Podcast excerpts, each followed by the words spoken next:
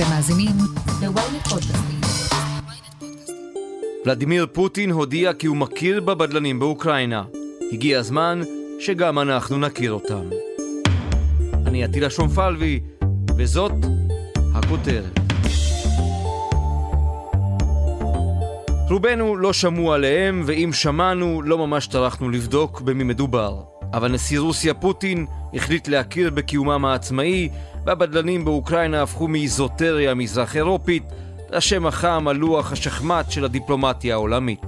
הם רוצים לחיות כמו לפני שמונה שנים, עם נשיא אוקראיני, אבל שהוא בעצם שר למשמעתה של אה, רוסיה, בדיוק כמו אה, לוקשנקו בבלארוס. רום בן ישי שליחנו לאוקראינה, והדוקטור דימה קורס שופכים אור על האוקראינים שמרגישים רוסים והפכו לכלי משחק בידי המנהיג ממוסקבה. רום בן ישי, פרשננו לענייני ביטחון ושליחנו לאוקראינה, אתה כבר כשבוע מסתובב שם בשטח. קח אותנו לרגע לזמן הזה שבו פוטין מחליט להודיע לעולם, אני מכיר בבדלנים. אני מכיר בבדלנים כרפובליקות עצמאיות. כלומר, המשמעות היא מבחינת האוקראינים לפחות, וגם העולם, זה שפוטין בשלב הבא יכול פשוט לספח אותם לרוסיה, כמעט אמרתי ברית המועצות, מפני שהן רפובליקות עצמאיות והן מסתפחות לפדרציה הרוסית. האוקראינים נעשו מודאגים מהעניין הזה, אבל אני מוכרח להגיד שגם באזורים שפוטין מכיר בעצמאותם אה, של הבדלנים הפרו-רוסיים וגם בחלקים של חבל דונבאס שהוא חבל המריבה לא מתרגשים יותר מדי. אה, היו כמה הצגות של שמחה במחוז דונייץ, שהוא אחד משני המחוזות שהכריזו עליהם כרפובליקות עצמאיות, אבל זה לא היה באמת אה, משהו ספונטני, אלא משהו מתוזמר מראש עם זיקוקים והכול.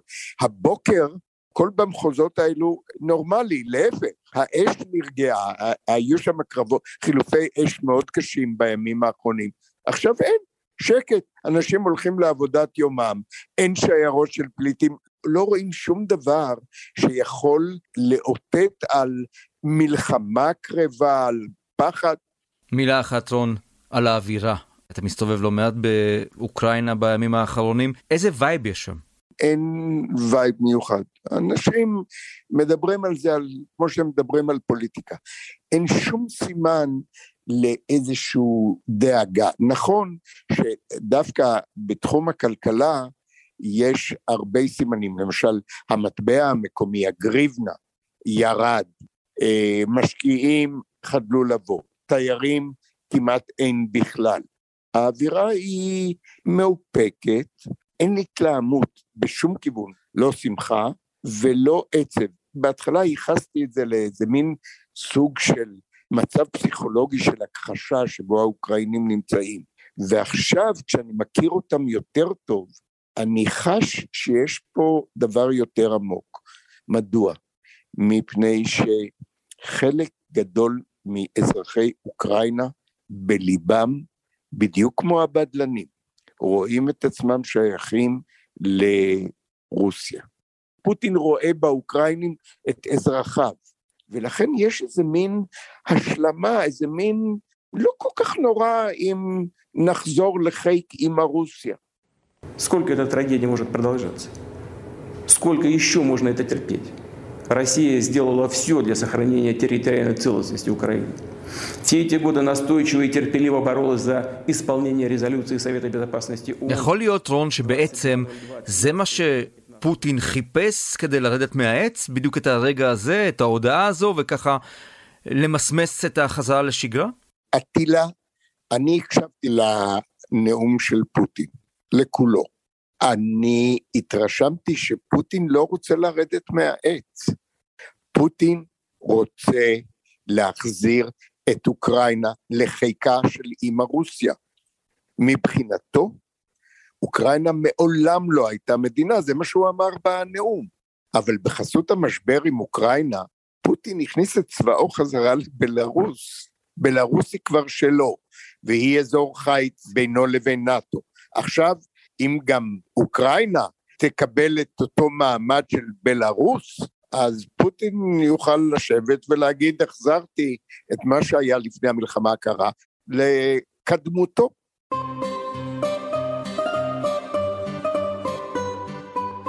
דוקטור דימה קורס מאוניברסיטת אריאל, בוא נדבר קצת על בדלנים. מי אלה הבדלנים באוקראינה? ובכן, אה, מדובר ב... נקרא לזה התארגנות פוליטית באזור הדונבאס, אה, ספציפית בשני מחוזות בתוך אזור הדונבאס, מחוז לוגנסק ומחוז דונייצק, פעילים מקומיים וכאלה שהגיעו גם מרוסיה ולא באמת מקומיים, שתפסו את השלטון, במיוחד בשתי הערים המרכזיות של המחוזות, בלוגנסק ודונייצק, וזהו, הם גורמים כמובן, כידוע, פרו-רוסיים. הכוח הפוליטי שלהם הוא קודם כל התמיכה של רוסיה, התמיכה ישרה ממוסקבה, אה, ולא משנה כמה בקרמלין אה, יגמדו את התופעה ויגידו שהם אה, מדובר בנבחרי ציבור המקומי, בפועל כמובן מדובר בממש פרוקסיס, כן, בשליחים של מוסקבה לכל דבר שמצייתים לכל מילה שמגיעה ממוסקבה. במידה רבה גם ממומנים על ידי רוסיה, מלכתחילה, מהרגע הראשון. ועושה רושם שיש להם תפקיד מאוד מעניין גם בסיבוב הזה. בהחלט, כן, למרות שאוקראינים מסיבות פוליטיות שלהם, הם תמיד מתעלמים מהם ומתמקדים ברוסיה, ומבחינה פוליטית הם עושים נכון, אבל בפועל, כמובן, מדובר בשחקנים מקומיים, כי לפחות חלק מהם הם גם uh, באמת נשאי אידיאולוגיה מאוד מסוימת, מאוד uh, אנטי-מערבית, אנטי-ליברלית, שמרנית כזאת, ולאומנית במובן של נאו-אימפריאלית, כן, כזאת שמדברת על רוסיה כאימפריה, אימפריה של הטוב, כביכול, שהם מרגישים חלק ממנה. יש סיכוי עכשיו שבאמת משהו ישתנה בגלל ההכרה הזו שפוטין הודיע עליה? האמת היא שיחסים בין הבדלנים לבין השלטון במוסקבה הם תמיד היו מורכבים והם מאוד מאוד נסתרים מהעין. כל הדברים קורים מאחורי הקלעים, ואז פתאום נגיד מישהו לפני רגע היה מנהיג של לצורך העניין לוהנסק או של דונייצק, רגע אחרי זה פתאום נעלם, או נעלם בכלל, או נעלם במובן הזה שפתאום הוא מתפטר ואז מוצאים אותו במוסקבה, סתם מסתובב בבתי קפה, בבתי קפה כאיזה מובטל או פנסיונר, כן? וכל זה מאחורי הקלעים, אנחנו לא באמת יודעים איך בדיוק הם בעצם מנהלים את זה, איך הם בוחרים אנשים, איך הם uh, ממנים אותם.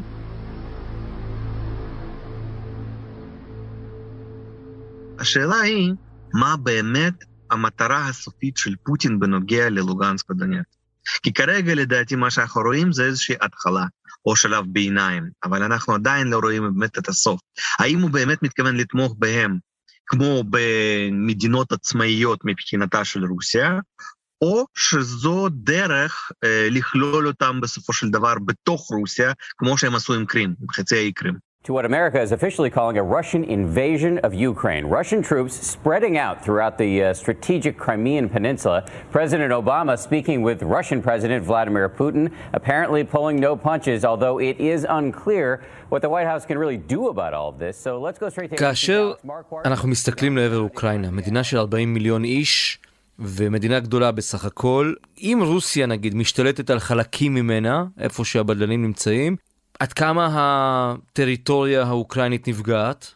תראה, בינתיים הייתי אומר ששום סטטוס קוו לא השתנה. זאת אומרת, כרגע הרוסים פרסו רשמית את הגנתם ואת חסותם על אזורים שבכל מקרה ממילא לאוקראינה לא הייתה שליטה עליהם מאז 2014, שליטה דה פקטו, כן, בפועל. כמובן, כרגע זה פוגע בכוונות של אוקראינה להחזיר אותם בצורה כזו או אחרת שליטה פוליטית של קייב, כן, של אוקראינה. כרגע הסוגיה שנגיד מעניינת אותי מאוד, האם רוסיה באמת מכירה בשתי הרפובליקות הבדלניות האלה, בגבולותיהן הנוכחיות בפועל, כלומר מה שהם החזיקו נכון לשלשום לצורך העניין, או שרוסיה מכירה בהם כמחוזות לוהנסק ודונייצק מלפני 2014, כולל שטח מאוד משמעותי שאוקראינה כן מצליחה להחזיק מאז 2014 ולשלוט בו. כי אם רוסיה טוענת, כן, והבדלנים בוודאי טוענים כך, ואם רוסיה מסכימה איתם רשמית, שהשטח האמיתי שלהם, כן, של שתי המדינות החדשות האלה מבחינתו של מוסקבה, כולל את השטחים שמאז 2014 בכל זאת היו תחת שליטה אוקראינית, כמובן שיש פה עילה לגלישה מאוד מסוכנת של הסכסוך, עם התנגשות ישרה של רוסים ואוקראינים. מיד נמשיך עם הכותרת, אבל לפני כן יש לנו משהו לספר לכם. היי, אני לא רשתת מאור, עורכת ynet יחסים. אני רוצה להזמין אתכם לפודקאסט שלי, סקס אפיל. בכל פרק נדבר על הדבר החשוב באמת, סקס. איך הוא משפיע עלינו, מה היחס שלנו אליו, ואיך אנחנו יכולים לנהל חיי מין טובים ובריאים יותר. בכל יום רביעי פרק חדש בספוטיפיי וגם באפליקציות הפודקאסטים שלכם. חפשו סקס אפיל ונשתמע.